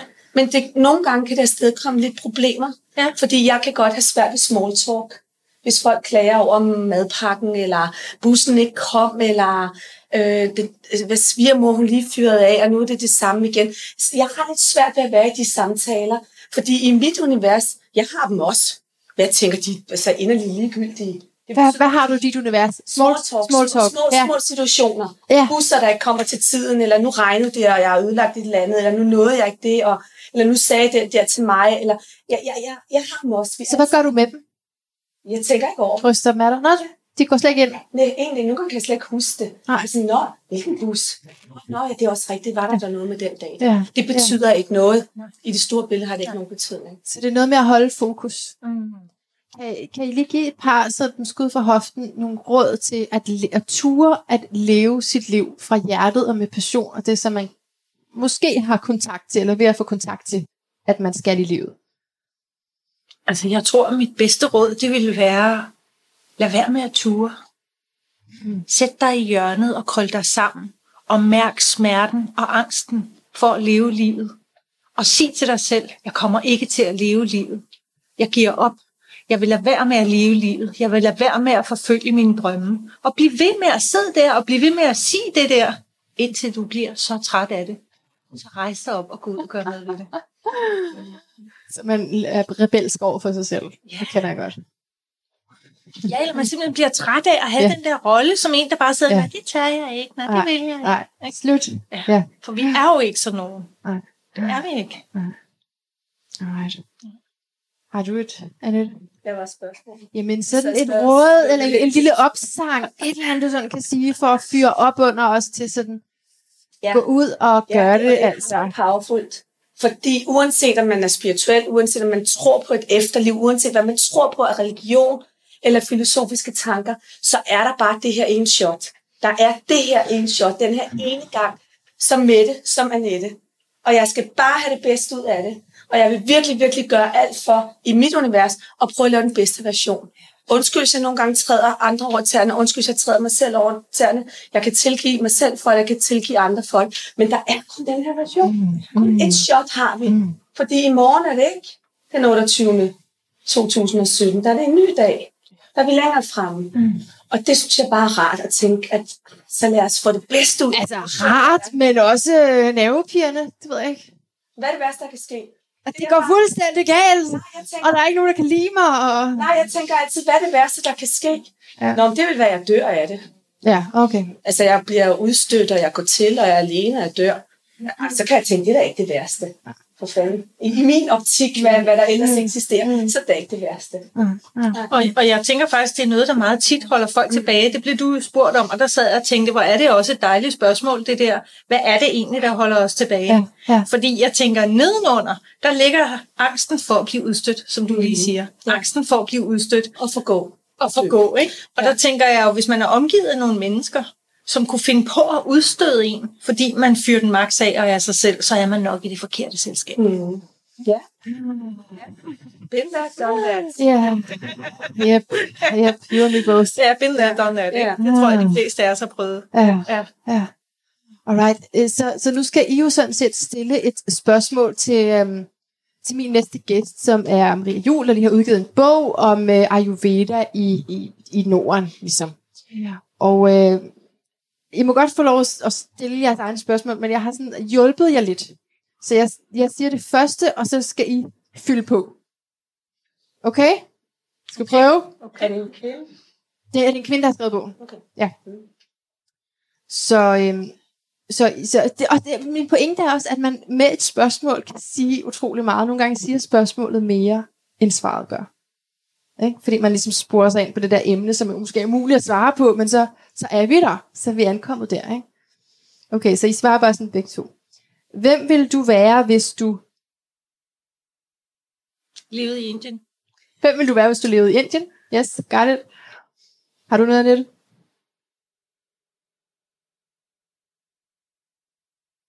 Hvem vil du være? Hvis du, hvis du kunne være et dyr, eller hvis du kunne... Et eller andet. Nej, hvad så lad, lad mig sige, hvem, hvem vil du være, hvis du kunne skrue tiden på den måde, at du røg i en anden tidslinje, Ja, hvor du ikke er dig selv, ja, hvem vil du så være? Ja, Og hvor er vi henne? Altså, Nå ja. Ja, 1800 det er et godt spørgsmål. Det er godt, godt, godt, rigtig godt. Har du nogensinde undret dig over, at der er så få mænd, der går op i selvudvikling og spiritualitet? Og det, Det spørger jeg ikke. jer om. Jamen, det er jo ikke rigtigt. Så De taler bare ikke om det, fordi det er så skamfuldt. Ja, okay. De vil rigtig gerne. Jeg har dem jo i min klinik. Mm-hmm. Ikke? De vil rigtig gerne. Okay. Og de ringer til mig, og så siger de, Ej, Mette, altså, jeg ved ikke lige helt, om jeg skal sige det her, men jeg, mm, jeg har så oplevet noget, som, mm, ikke? Altså, ja. ja. Jamen, lad os tage en snak om det. Så det vil de gerne. Det passer ikke. Jeg vil dog sige, at der er en, og nu bliver jeg, altså, nu bliver jeg grov, undskyld til dig og til herren i hjørnet. Øhm, der er en tendens for mænd over 50, fordi de har haft sådan et, mange af dem har haft et arbejdsliv. Han er 30. Nå, du bliver 50 på et tidspunkt, ikke? Der er en tendens til, at de har haft et arbejdsliv, som har krævet rigtig meget af dem. Og derfor, når de når op i den der alder, så vil de helst bare ligge på sofaen med fjernbetjeningen.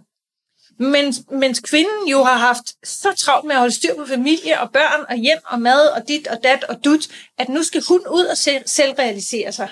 Og så står hun der og hiver i manden og siger, kom nu, vi skal ud og rejse, og vi skal til foredrag op i kirken, og vi skal melde os til et kursus i teosofi og alt muligt. Og han siger, nej, jeg skal lige se vild med dans øhm, så der, og det er lidt en tendens, som jeg hører. Jeg, jeg oplever en del kvinder, som kommer i min klinik over 50 og siger, hvorfor kan jeg ikke få ham op af sofaen med det? Hvad er svaret på det så? Lad ham ligge. Nej, der bliver rystet på hovedet. Gør det selv. Lad ham ligge. Og gør Alright. det selv, ikke? Jamen, der selvfølgelig er der undtagelser også. Det er derfor, jeg siger, at der er en tendens. Ikke? Altså, ja, lad ham ligge. Lad være. Fordi hvis han ikke vil, så vil han jo ikke. Jeg tænkte også på før det der med, at du havde gift i 25 år, Annette. Øh, jeg læste på et tidspunkt en amerikansk skuespillerinde. Jeg kan desværre ikke huske, hvem det var, der sagde det, men hun havde også været gift i mange, mange, mange år. Og hun blev spurgt, har du aldrig nogensinde haft lyst til at blive skilt? Og så sagde hun, nej, men jeg har fandme haft lyst til at slå ham ihjel mange gange. Har du det også sådan? Nej, ikke at slå ham ihjel, Nej. men at udstøde ham. Og udstød ham. Udstøde ham for ikke at forstå mig. Ja. Ja, Ja, ja, ja. ja udstød ham af fællesskabet. Ja. Det er faktisk, jeg vil faktisk rigtig gerne lige have til at stille en anden et spørgsmål. Så jeg ved ikke, om på en måde du brugte dit nu, jo. Men... Det er Ej, det er er fint. Ja, det er Øh, okay. Annette, har du et spørgsmål, er det et eller andet, du tænker, det kunne jeg godt tænke mig at spørge om. Det kunne for eksempel være, fordi nu gik du selv ind på sensualitet med dit spørgsmål tidligere. Altså måske, Altså, nu skal det jo være net nu skal, det, nu skal det være, men altså, De der med kærester. Ja. for eksempel. Øhm, ja, nej, det, det, det får lov at beholde selv, okay. Det sensuelle der. Okay. Øhm, det som jeg, jeg, altså jeg, jeg er altid nysgerrig på mennesker, mm. og jeg er enormt nysgerrig på dig, og det er sjovt, at, at det er nogle frue frøken prøver på at finde to forskellige, og så lige ja. meget. Ja, synes jeg også. Så, men, men, men det, jeg er rigtig nysgerrig på, det er at vide, som du måske kunne give videre til, til alle os, der er her, og inklusive mig selv også, hvordan bevarer vi den nysgerrighed på livet og på hinanden, så vi kan blive i de her fællesskaber og føle, at vi hører sammen, og vi kan noget for hinanden, og vi kan hjælpe hinanden med noget, og vi kan lytte til hinanden, og vi kan relatere til hinanden. Hvordan bevarer vi nysgerrigheden for at kunne blive det som mennesker? Min første tanke var, det ved jeg simpelthen ikke. Jeg så lige får tænkt lidt over det og reflekteret lidt over det, så tænker jeg, jamen hvad kommer min egen nysgerrighed af? Min egen nysgerrighed, den kommer jo af, jo bedre jeg bliver til at blive mig, og blive i mig, og mærke mig, og kende mig, og holde af mig, jo mere nysgerrig bliver jeg på alt det, der er uden for mig. Så jo mere jeg tager mig af mig, jo mere bliver jeg interesseret i det, der er uden for mig. Ikke? Og nysgerrig på nyt om mig, og nyt om de andre, nyt om verden. Ja. Giver, giver det mening? Ja. Hvad er, dit, hvad er dit eget svar, Annette, til det gerne? Ja. Fedt. Hvad er dit eget svar? Jamen, det der med selvudvikling, det er også en lidt floskelagtigt. Ja. Men som du siger, selvafvikling, den synes jeg er rigtig fin. Ikke? Men der er også en facet af det, der hedder øhm, inner work, altså at tage sig af sit indre. Og det kan være lige fra traumer til kriser, men det kan også især være, især her nu, hvad har jeg behov for? Hvad har jeg behov for? Så hvis vi, hver dag stiller os det spørgsmål, der hedder, hvad har jeg behov for lige nu? Mm. Ej, jeg har fandme haft sådan meget, jeg må ringe til min veninde og fortælle, jeg drømmer, at du er forladt, og jeg er også ked af det i drømmen. Lyt på mig. Så kan det være det, jeg kan have behov for. Det kan også være, at jeg bare har behov for at fortælle den kollega, som, øh, som trådte mig over tæerne i går, og virkelig gjorde mig ked af det, en, et, et par få ord til at kunne forstå, hvorfor at jeg reagerede, som jeg gjorde. Men hvis vi stiller spørgsmålet, hvad har jeg behov for? Altså det, det er mit store spørgsmål faktisk til mig selv hver dag. Jeg prøver at huske, Mm. Der er dage, jeg overhovedet ikke ved det, og overhovedet ikke husker det. Men så bliver jeg også i denne her med det her indre arbejde. Jeg hele tiden arbejder på det, der er inde i mig. Hvad der sker inde i mig. Mm. Og faktisk, for. faktisk er det et skidesvært spørgsmål for mm. rigtig mange danskere. Fordi vi er meget bedre til at vide, hvad vi ikke har brug for eller hvad vi ikke eller vil, andre har eller hvad vi ikke har behov for, eller hvad de andre har behov for, mm. end hvad vi selv har behov for. Det, jeg, jeg synes jo også, det, jeg tænker også på... En stor del af arbejdet ligger i at finde ud af det, ikke? Mm. Ja. Men det må også bare godt være en kop kaffe. Ja. Det må det godt være, fordi i den... Eller en god tur. Ja, ja, fordi i gåturen eller en kop kaffe, der ligger der rigtig meget guld nogle gange, fordi så sætter man sig ned med sin kop kaffe. Ja. Og så begynder man måske at mærke noget, eller begynder at tænke over noget. Så det er tiden til sig selv? Ja, det kunne så have, nu var det, det kunne være en hvor kaffen så afsættet, ja. men det var måske tiden til sig selv, ja. man egentlig har behov for, men man der ikke lige vidste det, fordi man ikke kunne mærke sig selv. Men jeg tænker, øh, der er sikkert flere også, der har børn. Hvordan får man tid til sig selv? Ej, det er den dårligste undskyldning, kan jeg sige, med ja. til så mange børn. Ja, Fedt, og når sådan. Jeg, yes. ja, dårligste undskyldning. Ja. Og især når jeg så samtidig bor i et hus, hvor der er cirka 80 børn om dagen, der går igennem. Hvordan gør du? Hvordan? Der er kronisk larm og hunde, der gør sådan noget. Du prioriterer det. Du skaber det. Det er ren energi. Det er ren glæde. Jeg kan sidde i min... Jeg siger også til mine børn, så må du gå i terapi med det. Altså, vi har allerede lavet en aftale. Ja. børn i terapi. Jeg kan sidde med min kaffe. Perfekt. Jeg kan sidde med min kaffe. Jeg kan sidde og kigge på YouTube, og der kan jeg sidde og kigge på en eller anden langt ude uh, dokumentar, som måske er, er halve løgn, eller hvad det nu kan være, der bliver det, programmeret og puttet ind, og jeg sidder og kigger på det. Og så kan jeg have børn, der løber forbi, og en spørger, hvad med det? Og en smækker døren, og en hund, den gør. Det ringer på dernede. Hov, de glemte at åbne døren, fordi danseskolen åbner nu. Og så kan jeg være fuldstændig i ro med det. Jeg kan, jeg kan lukke oh. verden Altså, det virkelig... Det er altså også en evne at have. Jamen, det kan, at du kan det. Jeg tror, at det lægger min beslutning, fordi ja. jeg tænker, leave me alone, leave me alone. Jeg, ja. jeg har ingen steder at gå hen eller lige nu. Jeg sidder bare her midt på hovedbanegården. Men, men, men det, hvis det er mine omstændigheder, det er det, jeg er i, parentes, der er børn i huset, så det er mm. det, jeg godt kan være i. Mm. Det er i hvert fald ikke en undskyldning for ikke at få fred. Altså, det, børn, vi kalder dem vores børn, kalder vi selektiv hørelse, men vi kan altså også selv udvikle selektiv hørelse. Altså, jeg kommer, jeg kommer til at tænke på en, en ting, som kan kan være øh, på, på vejen til at leve drømmen. Og det er, hvis man ikke accepterer den, og jeg hader, at jeg selv siger det, for jeg har fået det her som et råd mange gange, ikke? at man ikke accepterer den virkelighed, man er i. Jeg er nummer et til at have modstand på, hvad jeg er i, for jeg vil gerne have et andet sted. Mm. Men er det ikke også det, som du siger, at, at altså, ak- accepten af, det, det, det er sådan her, det er. Så må jeg være her. Hvordan, altså, har I brugt den der med at acceptere virkeligheden, som den er? Det er jo det råd, jeg lige har givet med at sidde i hjørnet og råbe frem og tilbage og sige, jeg bliver aldrig til noget, jeg kommer aldrig til at forfølge mine drømme, og jeg vil ingenting. Altså, vær i det, der er. Gå med modstanden. Okay, ja. ja. Så det er, det er simpelthen en øvelse i at øh, opløse modstanden. Det er det nemlig, fordi det er sådan, at alle følelser opløser sig selv efter maks 7-30 minutter, hvis man giver dem lov til at være der. Ah. Ja. Alle følelser? Alle følelser. opløser sig selv? Alle følelser opløser sig selv, hvis man giver dem lov til at være der mm. efter 20-30 minutter. Mm. Så når man bliver ked af det, så skal man lægge sig ind på sit ting, og så skal man hulke igennem. Mm. Øh, så går der 20 minutter, så gider man ikke det mere. Og hvis man bliver vred, så skal man tage sin tæppebanker og give sofaen en ordentlig tur, mens man råber og skriger. Mm. Og så går der 20 minutter, måske kun 7 minutter, ikke? så har man fået nok. Og et samleje var kun 7 minutter i gennemsnit, ikke? Så, hos nogen. Hos nogen. Ja, ja, hos nogen. Mm. så, så man skal i virkeligheden bare give efter det. Øh, jeg ved ikke, om nogen af jer har set den serie, der hedder Venner. Friends. Har I hørt om den? Ja, Phoebe, hende den lidt skøre, som synger smelly cat. Øhm, hun siger noget virkelig dejligt på et tidspunkt. Hun siger, følelser er som hundevalpe. Vi er nødt til at lukke dem ud, ellers tisser de på sjælens gulvtæppe. Ah. Ja. Go Phoebe. Go Phoebe. Ud, ud med det. Ja. Ud med det. Ja. ja. Hvad vil gøre verden til et bedre sted, ifølge Mette Klargaard og Annette Sahara Hørling? hvis det her skete, hvis den her person gjorde, hvis et eller andet, hvad vil gøre verden til et bedre sted?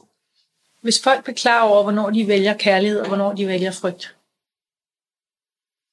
Hvis de bliver klar over, at man har altid kun de to valg. Man har altid kun valget mellem kærlighed og frygt, når man handler i verden. Og hvis man var klar over det, så tror jeg, at de fleste ville vælge kærlighed noget oftere.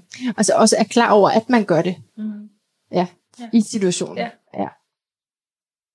Det er tit det Det bagefter. er jo det der yin-yang-princip, ikke? Der er kun kærlighed og frygt. Ja. Det, Ja. Når vi skræller alt lortet væk, så er der kun kærlighed og frygt.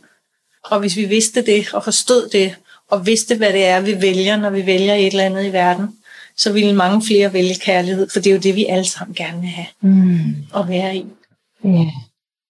Så det tror jeg, ville være. Så bevidstheden om frygt eller kærlighed. Ja, bevidstheden om, at det, det er altid det valg, vi træffer. Mm. Og så nogle svampe til at åbne lidt op ja, lige præcis. for kærlighed Ja.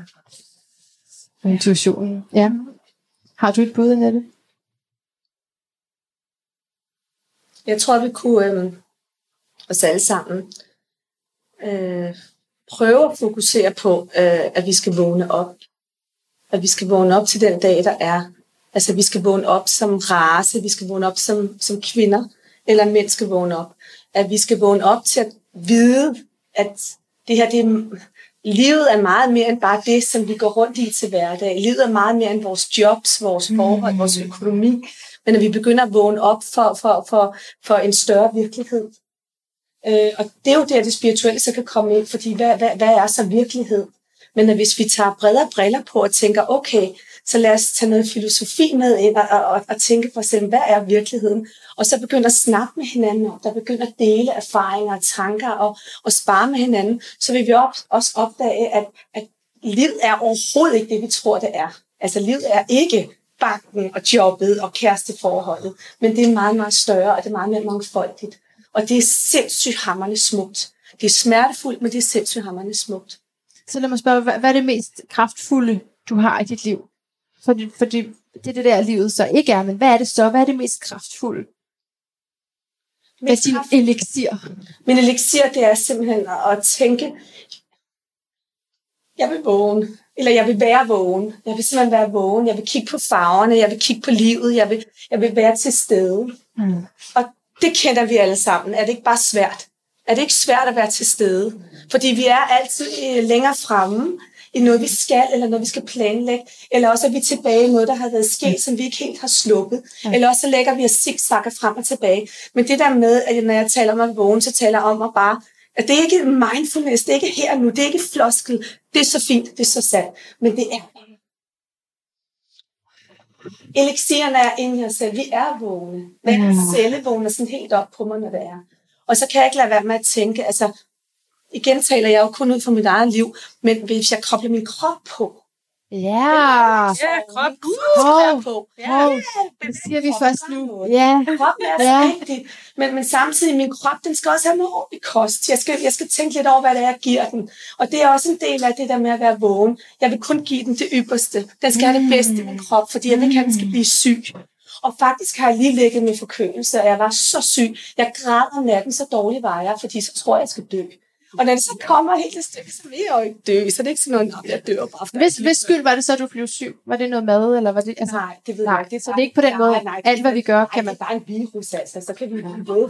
Ja. Men jeg tænker, jeg, måske, måske skal vi lige have en lille, en lille øvelse ind over. Jeg elsker øvelser. ja, jeg, lige sige, det er færdigt. Undskyld, Jeg var bare lige ting færdig. Der ligger der, og jeg er bare, bare så syg, så syg, så syg. Så tænker jeg, jeg kan ikke engang huske, hvad jeg tænkte, for nu kan jeg ikke huske, hvad jeg skulle sige. jo, men du, var, du, du ville hellere dø. Du, var, altså, du var så syg. dø. Ja, du troede, du skulle dø. Det var så frygteligt. Men så, Nej, så, så kom Peter og, Ja, nej, og jeg hammer og sådan. Nej, og lavede mad. Og, Ja, nej, Ja, jeg ja. Den kommer lige om lidt. lige om lidt. Den kommer lige Ja. om lidt. Så Jeg, jeg- jeg, jeg, jeg er for med en øvelsen, og så kommer du garanteret i tanke om den. Tror det er det aller, aller sidste. Ja, der. Ja. Der er den, der er den. Tænk, jeg lavede den største kærlighedserklæring. Da jeg lå der og var så syg, så tænkte jeg, hvad kan jeg gøre for at få den her influenza-bog til at komme ud af min krop? Hvad kan jeg gøre for at få det godt igen? Jeg vil ikke være så syg, og jeg var virkelig død nær, troede jeg. Ikke? Jeg er nok som mange mænd, når jeg er rigtig syg. Men når det sker om natten, så er det bare sådan noget, godt gøre, jeg er så dårlig. Så tænkte jeg, jeg må, jeg, jeg må tilegne den her nat. Jeg kunne ikke sove, så dårligt havde jeg det. Jeg må tilegne den min krop. Jeg må fortælle min krop, hvor dygtig den er. Hvor smuk den er. Hvor fantastisk den er. Hvor godt den gør det. At den bare skal give sig selv lov til at slippe det her og være med det. Og da jeg gjorde det, så røg jeg ind i alle mulige gamle mønstre og traumer. Så tænkte jeg, slip det krop, slip det krop, slip det. Du er så dygtig, jeg er med dig hele tiden. Jeg ved, Wow. at vi skal prøve at forene os på en eller anden måde, og du er syg lige nu, og jeg kan mærke dig, jeg kan ikke sove, men jeg er med dig. Vi er sammen det her. Og den der kærlighedserklæring, jeg tænkte, jeg nødt til at skrive et digt om det. Men det er tilbage til det der med, at vi skal have kroppen koblet på, vi skal tro på, også selvom den har et dårligt knæ, eller den har en dårlig lænd, eller hvad den har, så er det den bedste udgave af den, den er lige nu. Wow. Det bliver ikke meget bedre. Wow, at tilegne en nat til sin krop. Ja, eller Ja. måske så bare tilegne en tanke til sin krop om dagen, og koble kroppen på. Ja, ja. Tilegne en tanke. hvor er det vigtigt. til sin krop. Den skal ikke halte bagud, fordi så er det Mm. dør. Det gider vi jo ikke. Mm. Vi skulle blive 100, sagde hvordan Mm. det er det ikke rigtigt? Mm. Og det der med foreningen af Ja. og, og krop. Havde du en øvelse, Mm. Miss Mette Glakker? Mm.